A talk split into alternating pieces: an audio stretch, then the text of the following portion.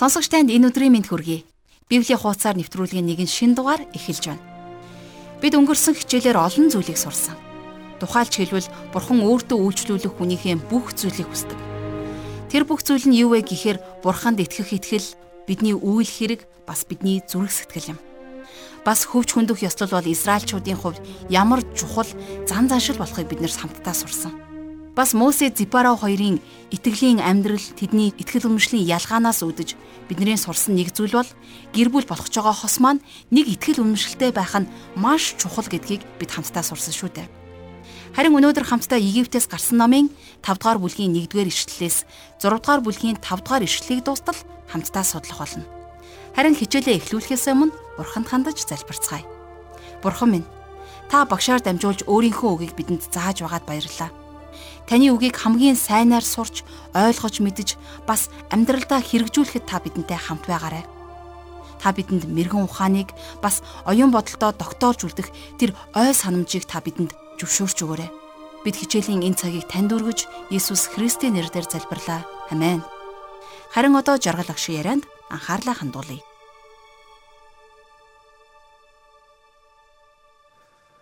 За тэгэхээр бид э, Египтээс гарсан ном буюу Библийн 2 дахь номыг хамтдаа судалж байгаа. Тэгэхээр өнөөдрийн хичээл маань 5 дугаар бүлгээс эхэлж байна. За Египтээс гарсан номын 5 дугаар бүлэг фараонтой тэмцэх бурхны тэмцлэр эхэлдэг юм. За өөрөөр хэлэх юм бол Египтийн хиймэл шүтээнүүдийн эсрэг бурхан гай зовлонгуудыг бэлтгэсэн байсан. Мосе 40 жилийн дараа Египт рүү буцан ирдэг.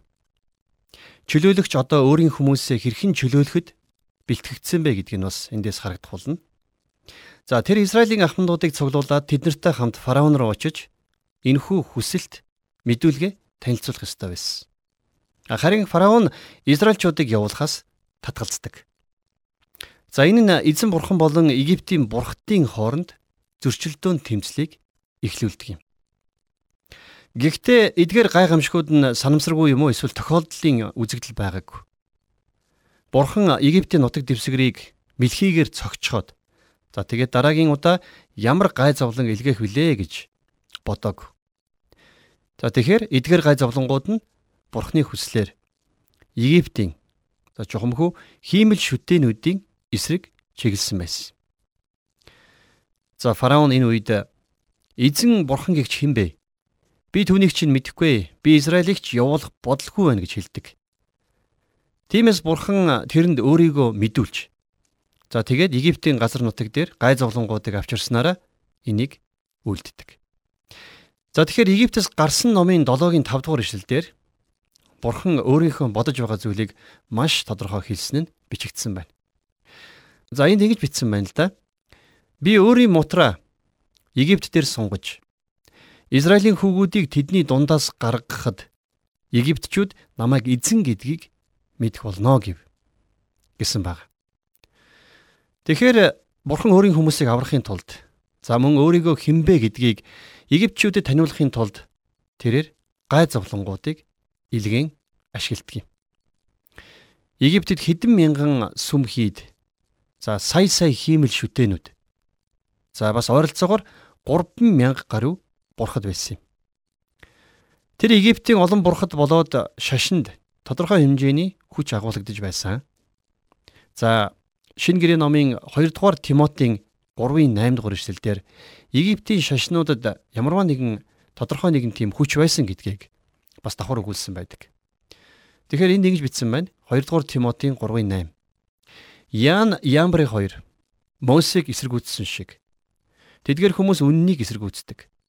Тэд ялдарсан санаа бодолтой итгэлийн хувьд гологдсон хүмүүс юм а гэж.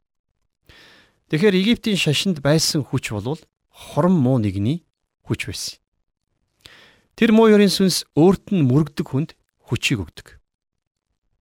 За Грекийн хаанчлалын үед бол Дельфи гихч бурхны зүнчнэр бол бас үүний нэгэн тод жишээ болох юм.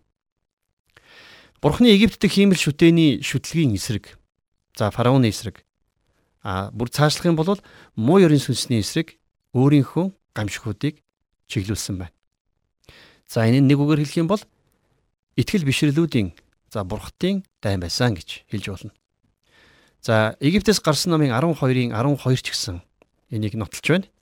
За энд ингэж хэлсэн байна. Би тэр шөнө Египт орон даяар явж Египтийн нутагдах уугнуудыг хүм мал гэж ялгалгүй бүгдийг цохиж Египтийн бүх бурхтад ял шийтгэл буулгана. Би бол эзэн гэж бурхан хэлсэн байдаг. Бурхан Египтийн худал бурхтыг худлаа гэдгийг нь ил гаргаж ирсэн. Тэр Израильчуудад тэднийг чөлөөлөх өөрийнхөө чадварыг инхүү илчилдэг юм. За тухайн үед бурхны чөлөөлөх гэж байсан эдгээр еврейчүүд хиймэл шүтэн шүтэх орчинд за бас тоосгоны үйлдвэрүүдэд төрж өссөн. Тиймээс л бурхан өөрийгөө илүү дээр нэгэн гэдгийг тэдэнд харуулах хэрэгтэй байсан хэрэг. Гамшиг бүрийн товч тойм болвол тэдэнд ямар нэгэн утга учир байсан гэдгийг харахад тустай биж болох юм. За Мосе фараоны өмнө анх очихдоо өөрийнхөө таягийг нэгэн могоо болгож хувиргадаг. А гэтэл Египтийн мэрэгтчүүд яг л ийм ижилхэн гайхамшигыг үзүүлдэг. Тэгэхээр эндээс харах юм бол сатан буюу муу ерийн сүнсэнд бас тодорхой хүч чадал агуулгадж байдаг юм а гэдгийг эндээс харах боломжтой. За энэ үйл явдлын дараагаар Бурхны 10 гамшиг ирдэг юм. За 10 гамшигын хамгийн ихний гамшиг бол усыг цус болгосон явдал.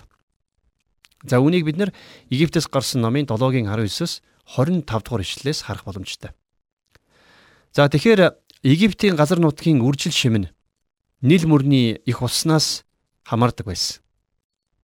Өөрөөр хэлэх юм бол энэ ус бол тэдний амин амьдралыг тэтгдэг байж. Тиймээс Египтийн олон уран зургуудад бүгдийг харагч нүдтэй дүрслэгдсэн Осирис бурханд энэ гол болвол маш их ариун дагшин газар тооцогддог байж. За жил бүрийн хавар гол мөрөн үхлээс амьдралыг авчрах цагт Египтчүүд онгон шүтээний шүтэг зан үлийг хийдэг байж. Усыг цус болгох үед энэ нь амьдрал биш харин үхлийг авчирсан. Египтийн мэрэгэн хүмүүс энэ гамшигыг өөрсдийнхөө ид шидээрээ бас л дуурайн үлдэж чадсан байдаг. За 10 гамшигын 2 дахь гамшиг нь бол Египт нутгийг бурхан мэлхийгээр зохиох явдал байсан. За энэ тухай Египтээс гарсан номын 8 дугаар бүлгийн 1-ээс 15 дээр бичигдсэн байна. За Египтийн алдартай хот болох Мемфис дэх хамгийн сайхан сүм хийдүүдийн нэг нь муухай мэлхий толгойтой дарих Хекагийн сүм байсан юм. Тэгэхээр ариун дагшин мэлхийг алах нь тэр үед гимт хэрэг тооцогддог байсан. Харин хэрвээ та тэднийг өөрийнхөө гэр орон орд ивсгэр хоол унд. За хөл дор хаасаагүй байхыг харах юм бол Египтчүүд тэднийг алахгүй байж төвчээгүй шиг бас л алах сэтэл төрж болох юм. Гэтэл тэр мэлхийнүүд ариун дагшин тооцогддог байж. Египтийн мэрэгэн хүмүүс өөрсдийн илв шидний аргаар эсвэл тиймэрхүү ид шидийн зарим нэг аргаар энэ гамшигыг бас л дуурайн үлддэг. За гурав дахь гамшигын тухайд гэх юм бол бурхан Египт нутгийг бөөсөөр За бөөсөн тахлыг илгээсэн гэж хэлж болно. За энэ тухай Египтээс гарсан номын 8 дугаар бүлгийн 16-аас 20 дугаар ишлэлээр байгаа. Египтчүүд газрын бурхан Жебд мөрөгдөг байсан. Египтийн нутаг даяар газрын тоос нь бөөс болон хувирсан. Тэгэхээр Жебиг бас ариун гэж үздэг байж. А гэтэл шороог бөөс болгосны дараагаар тэд нар үдзэн ядаж жигшиж эхэлсэн. Фараон энэ гамшигыг холдуулахыг гуугаагүй. Харин Египтийн илвчид энэ таглыг дуурайлгаж чадаагүй. Тиймээс энэ гамшигыг авчирсан эзэн бурхан бол Египтийн бурхтаас ч илүү дээр байсан гэдгийг тэд нар энэ мөчөөс эхлэн ойлгож эхэлсэн лавтай. За дөрөв дэх гамшиг нь бурхан Египтийг ялаануудаар цогсон. За энэ тухай Египтээс гарсан номын 8 дугаар бүлгийн 20-с 32 дугаар ишлэлдэр харж болно. За тэгэхээр үе олон ялаанууд үнэндээ ариун цохнууд байсан гэж зарим хүмүүс боддог. Кипаран цох бурхан байсан. Цох нь Египтийн бунхнуудад байдаг гэж. Тэгэхээр эдгээр цохнууд нь тухайн үед мөнх амьдралыг бэлэгддэг байсан байна. За тэгэхээр мөн бурхан эдгээр шүтээнүүдийг за энэ шүтлгийг эсэргүүцсэн Египт нутгийг ялаа буюу нисдэг цохоор цогсон гэсэн үг. За ингээд э, тав дахь гамшигын тухай ярилцъя. За там дахь гамшиг бол яахын аргагүй малын тахал өвчнөөр цохих хараал байсан. За энэ тухай Египтээс гарсан номын 9-ийн 1-ээс 7 дугаар ишлээс харж болно. За энэ бол мал сүрэгт халдварладаг тахал байсан юм. Египтийн хоёр дахь том сүм нь Мемфис хотод байдаг байлаа. За энэ нь хар бух буюу апист мөргөхөд зориулагдсан ийм дугуй байсан. За энэ тахлын гамшиг нь бол египчүүдийг өвчтөе үнээнд мөргөхөд хүргэсэн гэж ярьцгаадаг. За ингээд 10 тахлын 6-гийн тухайд гэх юм бол 6 дахь гамшиг нь идээтэй яр өвчнөөр цохих тахал байлаа. Египтийн бүх шашны тахилчнаар сүм хийдүүдэд үйлчлэхийн тулд ямар ч өөсөв толбгүй за биен дээр ямар ч буруутгагдах тэмдэггүй байх ёстой байсан. Тэгээд энэ үеийн турш тахилч нарын биен дээр гарсан идээд ярнаас болоод тэд нар мөрөглөө хойшлуулж байсан. За тэдний хинэж хаанч үйлчилж чадаагүй. За энэ бол үнэндээ Египтийн бүх шашин дээр булгасан амьд бурхны шүүлт байсан юм. За ингээд 7 дахь тахал гэх юм бол за 7 дахь тахал бол хүчтэй мөндөр илгээсэн явдал байлаа. За тэгэхээр энэ тухай Египтээс гарсан номын 9-ийн 18-аас 35 дахь ишлэлээр байгаа. Бурхан ямар ч амьгүй, хүчгүй тэнгэр дарих хэмээх Египтийн нэгэн шүтэнийг хүчтэй мөндрөөр цохиж өөрийнхөө хүч чадлыг харуулсан нь энэ байсан юм. Харин 8 дахь гамшиг бол Египт нутгийг царцаагаар цогсон явдал байлаа. За энэ тухай Египтээс гарсан номын 10 дугаар бүлгийн 1-ээс 20 дугаар ишлэл дээрээс харж болно. За ийхүү царцаагаар цогсон явдал нь Египтийн шавж бурхтын эсрэг байсан. За царцааны гамшиг бол урагц нь харагдсан гэсэн утга санааг илэрхийлдэг. За яг энэ царцааны гамшигын тухайд бол за хуучин гэрээний Йоэл за мөн шин гэрээний ном болох илчлэлт номнуудад гардаг бурхны шүүлтийн нэгэн нотлогоо болон ирсэн гэсэн үг байна. За 9 дахь гамшиг. Тэгэхээр 9 дахь гамшиг бол Египт нутгийг харанхуугаар нөмөлсөн явдал байлаа. За энэ үйл явдал бол Египтээс гарсан номын 10 дугаар бүлгийн 21-ээс 29 дугаар ишлэлдэр байгаа. За Египтийн нутагт тухайн үед харанхуугаар хамгийн ихэр хөндлөлдөг байсан гол бурхны эсрэг энэ гамшигыг илгээсэн байна. За Египтийн энэ бурхныг нарны бурхан Ра гэдэг. За та мэдэх бах одоо Египтийн балгасуудаас нарны дүрстэй дугуй хамгийн түгээмэл олдож байгаа. За ийхүү харанхуй улсны дараагаар хамгийн сүүлийн буюу хамгийн одоо их уршигтай хамгийн сүүлийн тахал болвол Египт нутгийн бүх ууган төрөсдгийг өхүүлэх гамшиг байлаа. За энэ хүү үйл явдал бол Египтээс гарсан номын 11-р бүлгийн 12-оос 36 дугаар ишлэлдэр гардаг. За тэгэхээр Египтийн шашны дагуу бол за Египтэд ууган хүүхдүүд нь Египтийн бурхтад хамаарагддаг байж. За өөрөөр хэлэх юм бол Египтийн бурхтад зориулсан тэдгээр ууган хүүхдүүдийг эзэн бурхан өөрөө авсан гэсэн үг. Бурхан Египтчүүдэд өөрийгөө хинбэ гэдгийг энэ 10 тахал буюу 10 гамшигаар харуулсан юм. Ингээд тэр өөрийгөө бурхан гэдгийг фараонд ингэж итгүүлсэн. За мөн ингэснээрээ тэрээр өөрийнхөө хүмүүсийг өөрийг нь бурхан гэж таньж мэдхийг хүсэх тэр газар руу ийн авчирсан юм. Бүх уугнуудыг авах энэ хамшиг бол Израилийг Египтийн боолчлоос чөлөөлөх хамгийн сүүлчийн үйлдэл болсон юм. Тэгэхээр Египтэд үзүүлсэн эдгээр гамшгууд ямарваа нэгэн зориг агуулсан гэдгийг ойлгох нь туйлын чухал байдаг. Бурхан Египтийн бурхтыг нэгэн тэмцэлд уриалан дуудаад за тэгээд тэднийг ялсан гэсэн үг. Бурхан Исаигаар дамжуулан шүтэн бүр алга болох цаг ирнэ гэдгийг бас зөвгнөн хэлсэн байдаг. Тиймээс ч өнөөдөр Египт нь шүтэнүүдийг огт хүлийн зөвшөөрдөг лалын шашинтай улс болсон түүхтэй. За ингээд э, өнөөдрийнхөө хичээлийг 5 дугаар бүлгээр үргэлжлүүлэн үздэцгээе. Тэгэхээр 5 дугаар бүлэгт э, фараонтой тэмцэх тэмцэл за Египтийн бурхадтай тулалдах дайн эхэлдэг. За ингээд хамтдаа Египтээс гарсан номынхон 5 дугаар бүлгийн 1-р ишлэлийг гаргацгаая. Үүний дараа Мосе Аарон нар фараонд очиж Израилийн бурхан эзэн инхүү айлдж байна. Миний ард түмнийг явуул. Тэд цөлд надад баярын ёслол үйлдэг гэж хэлв. За цөлд бурханд дахил өргөх нь Израилийг чөлөөлөх хамгийн ихний алхам байлаа. Тиймээс ч Мосе 12 фараоны өмнө гүйж очиод манай хүмүүсийг явуул. Бид Египтээс гараад амлагдсан газар нутг руу явна гэж хэлээг. Харин тэд зүгээр л цөл рүү явж бурханд мөргөхийг Израиль зөвшөөрөөч гэсэн хүсэлтийг гаргасан байна. Тэд нэр фараоны зүрх сэтгэлийг бэлтгэж за эцсийн эцэст болох зүйлд түүнийг зөөлрүүлж байсан. Харин фараоны хариу үйлдэлийг 2 дугаар ишлэлээс харцгаая. За Египтээс гарсан номынхон 5 дугаар бүлгийн 2 дугаар ишлэгийг харъя. Харин фараон эзэн гихч хэм болоод Израилийг явуул гэсэн. Түүний үгийг би дагах ёстой юм бэ. Би эзнийг мэдэхгүй, Израилийг ч явуулахгүй гэж хэлвэ гэсэн байна. Миний хүмүүсийг явуулаа гэдэг энэ хиллэг бол эндээс үүдэлтэй бөгөөд маш их алдартай хиллэг болсон. А эзэн гэж хинбэ гэдэг асуултыг алдартай болгохыг би хүсдэг. Энэ бол өнөөдөр бүхнээс шилдэг асуулт. Яагад гэвэл таны төлөө аливаа чөлөөлөлт болохоос өмнө та Бурхныг мэдэх хэрэгтэй. Фараон хоёр тодорхой байр суурьтай байсан. Нэгдүгüүрт нь тэрээр юу хэлсэн гэхээр би эзнийг мэдэхгүй гэж хэлсэн. За хоёрдугаарт нь би Израилийг явуулахгүй гэсэн. За маш богино хугацаанд фараон Израилийн бурхантай аимшигтай арга замаар тулсан гэсэн. За тэгээд тэр эцэст нь Израильчуудыг явуулахар болдог. За ингээд цааш нь 5 дугаар бүлгийн 3 дугаар ишлэгийг харцгаая. Тэд еврейчүүдийн бурхан бидэнтэй уулзсан.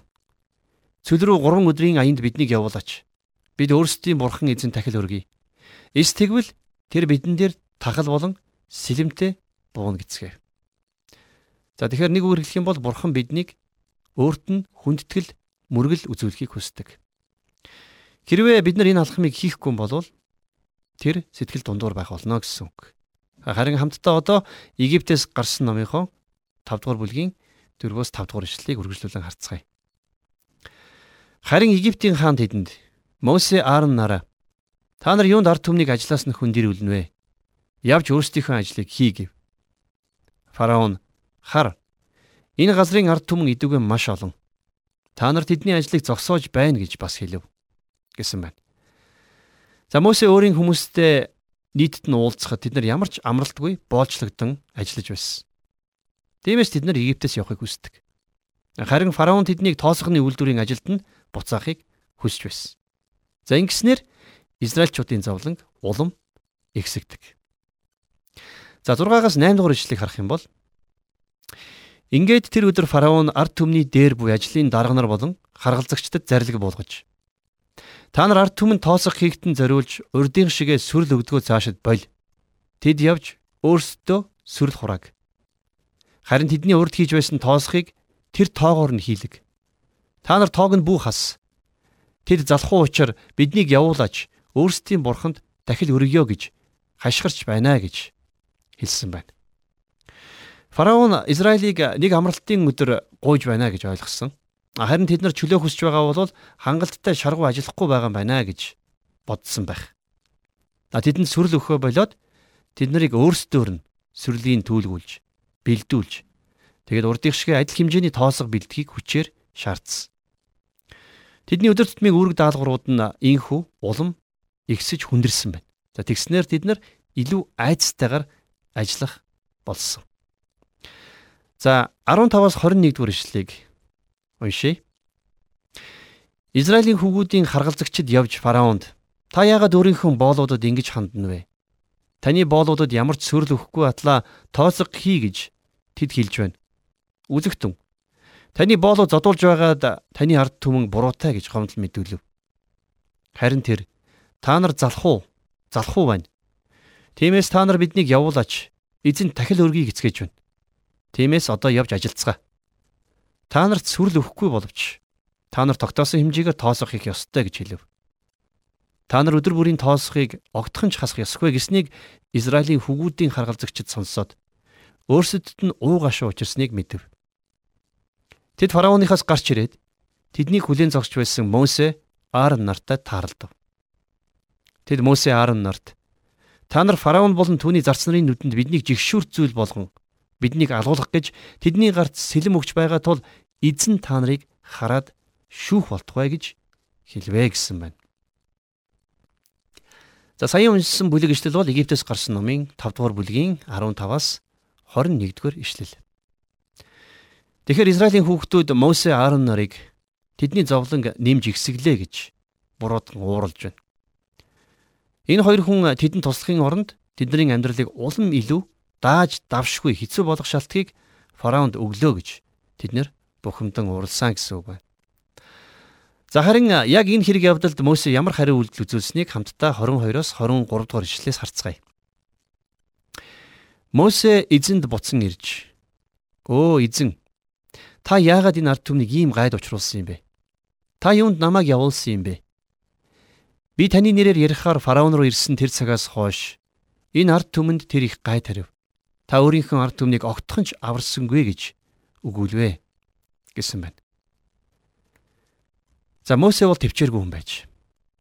Тэрээр энд бурханд гомдлож байна. Тэднийг таны зааврын дагуу чөлөөлөхөөр би ийшээ ирсэн. Гэтэл тэднийг явуулахын оронд фараон Израилийн хүүхдүүдийн амьдралыг улам хэцүү болголоо гэж хэлсэн. Тэр Мосе бурхны хийх гэж байгаа бүх төлөвлөгөөг харж чадаагүй. Харин бурхан удаанаар хөдөлж өөрийн төлөвлөгөөг хэрэгжүүлэхээр төвчээртэйгээр ажиллаж байсан гэдгийг тэр хараахан ойлгоогүй байсан. За харин 6 дугаар бүлэгт бурхан Мосе болон Израилийн хүүхдүүдэд тэднийг чөлөөлнө гэх өөрийнхөө амлалтыг дахин хилдэг тухай гардаг. Мосе болон Израильчуудад за бас Египтчүүд болон фараонд заах маш олон хичээл сургамж бурханд байсан юм. За одоо хамтдаа Египтээс гарсан номын 6 дугаар бүлгийг нээцгээе. За энд 6 дугаар бүлгийг тоомлон хэлэх юм бол өнгөрсөн 5 дугаар бүлгийн үргэлжлэл. За Египтчүүдээр гамшиг буулгах цаг ирж бурхтын дайн эхлэхэд бэлэн болж байна. За эргээд харах юм бол бид нар Мосе Аарон болон Израилийн анхмадуудын фараоноос гуйсан эхний зүйл бол цүл рүү явж 3 өдрийн турш эзэн бурхандаа дахил өргөхөөр явах тэр зөвшөөрлийг хүссэн явдал байсан. А харин фараон энэ хүсэлтийг хүлээж аваагүй. Учир нь тэрээр эзнийг мэддгүй байсан байна. За тэгээд тэрээр Израильчуудын зовлон улам бүр ихсэхээр шийдсэн. За тэгээд энээс болж Израилийн хүүхдүүд Мосед гомдлож харин Мосе эзэн рүү гомдлох болсон. Бурхан Мосед өөрийгөө хэн болохыг за тэгээд бас тэр юу хийх гэж байгаагаа илэрхийлэхийг хүсдэг. Авраам, Исаак, Яаковын бурхан Израилийн явуулах дуг сонссон. Тэгээд тэр тэднийг чөлөөлөх гэж байна. Бурхан Мосийг Израилийн өнгөрсөн түүхийг харж тэднийг Бурхан яаж хамгаалсныг харуулаасай гэж хүссэн. Бурхан Израилийг хайрлах хайраа тэдэнд туслах хүслээ дахин дахин харуулж байсан. Тэдний төлөө Бурхан олон удаа хөндлөнгөөс оролцож байсан. Бурхан өнөөдөр ч гэсэн бидний төлөө бидний амьдралд оролцдог. Миний төлөө бас таны төлөө тэр тэгсэн гэдэгт би бат итгэлтэй байна. Магадгүй та өөрийнхөө амьдралд бурхан ажиллаж байгаа гэдэгт итгэлгүй байж болох юм. Тэгвэл би танд Паулийн Филиппо хотынд бичсэн загтлын 1-р бүлгийн 6-р ишлэлийг уншиж өгмөр байна. Энд ингэж бичсэн байдаг. Та нарын дотор сайн үлийг эхлүүлсэн тэрээр үүнийг Христ Есүсийн өдрийг хүртэл төгс төгөлдөр болгоно гэдэгт би бат итгэж байна гэж хэлсэн. Бурхан өнөөдөр бидний хэрэгцээг мэддэг. Бас тэр бидний цөхөрсөн нөхцөл байдлыг ч ойлгодог. Тэрээр Египт нутагт Израильчуудад тусалсан шигэ өнөөдөр ч гэсэн танд бас надад тусалж чадна. Энэ бол үнэхээр Бурхны зөргсгөл байгаа юм. За харин одоо Мосегийн залбирал Бурхан хэрхэн хариулсан талаар хамтдаа үздэцгээе. Өөрөө хинээс хамааралгүйгээр оршин тогтногч тэр нэгэн Бурхан урам зориг, итгэл найдварыг Мосед өгөхөөр түүнтэй ярилцсан тухай бүгдээрээ үздэцгээе. За ингээд Египтээс гарсан номынхон 6 дугаар бүлгийн 1-р ишлэлийг гаргая. Эзэн Мосед Намайг фараонд юу хийхийг одоо чи харна. Миний хүчит мутраас болж тэр тэднийг явуулна. Миний хүчит мутраас болж тэр тэднийг нутгаасаа хөөх болно гэв. За өмнө нь Яхова өөрийгөө эзэн гэдгийг Мосед хэлж байсан. Тэр ирээдүйд зориулсан бэлтгэлүүдийг хийх шаардлагагүй. Тэр өөрөө тусгаар оршин тогтногч. Түүнд урдчлан захиалах шаардлага байхгүй. Бурхан бүтээлдэх юунаас ч хамаардаггүй. Тэр юу ч төршдөггүй. Харин бүх бүтээл түүнээс дэмжлэг хүсэн түүнд төршдөг. Бурхан Мосийг өөрийг нь түшээсэ гэж энэ үед хүссэн баг юм. За 2-оос 5 дугаар ишлэгийг харах юм бол Бурхан цааш нь Мосетэй ярин түүнд би бол эзэн би Авраам, Исаак, Яаковт төгс хүчит бурхнаар илэрсэн. Харин эзэн гэдэг өөрийнхөө нэрээр би өөрийгөө тэдэнд мэдүүлээгүй. Би мөн тэдэнд Канаан газар буюу тэнэвчилж байсан газрыг нь өгөхөөр өөрийн гэрээг тэдэнтэй байгуулсан. Би Египтийн боолчлолд орсон Израилийн хүүгүүдийн уу гашууг сонсож өөрийн гэрээг саналаа гэж хэлсэн байна. Бурхан Авраам, Исаак, Яаковт өөрийгөө үзэгдсэн. А гэхдээ Яхова гэж харагдаагүй гэж хэлж байна. Харин Яхова буюу Бурхны энэ мөн чанар бол өөрийн хүмүүсийг чөлөөлөх мөн чанар байсан. Тэднийг өөрийн болгон үрчилж аван боолчлоос чөлөөлж тэднийг амлагдсан газар руу удирдахаар Яхова Бурхан бэлтгэж байсан. Энэ бүгдээр тэднэр Бурхныг Яхова гэж за Авраам, Исаак, Яаков нарт илчлээгүй түүний нэгэн шин зан чанарын нэг хэсгийг мэдэж авах байсан юм.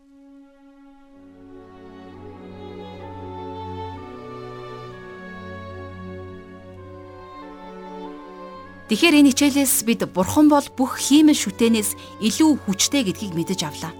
Тэр Египтчүүдийн гол шүтэж биширдэг байсан 10 бурхтын эсрэг гамшигыг учруулсан. Үүнээс фараон Израильчуудыг явуулж Египт нутгийнхан бүх бурхтаа шүтгэ байж улмаар хожимд лалын шашинтай болсон шүү дээ. Мөн Израильчууд бурхныг Яахва буюу би байдаг нэрээр таних болсон. Өнөөдөр ч гэсэн бурхан танд би байдаг гэж өөрийгөө танилцуулж байгаа таныг гим нүглээс чинь чөлөөлөхийг хүсэж байгаа. Тиймээс та бурхантай танилцж өөрийнхөө болж бүтэхгүй байгаа тэр амьдралынхаа хэсгүүдийг түүнтэй хамт туулаасай гэж би таныг урамшуулмаар байна. Ингээд өнөөдрийн хичээлээ хамтдаа өндөрлөхөөс өмнө бурханд хандаж залбирцгаая. Бурхан минь, та өөрийгөө бидэнд бий байдаг гэж танилцуулсанд баярлалаа.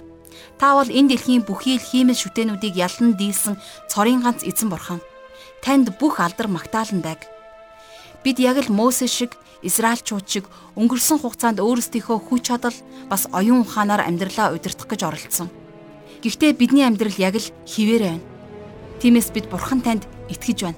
Та Израильчуудыг удирдах байсан шигэ бидний амьдралыг ч гэсэн удирдаач. Би танд ам амьдралаа даатгаж Есүс Христийн нэрээр залбирлаа. Амен.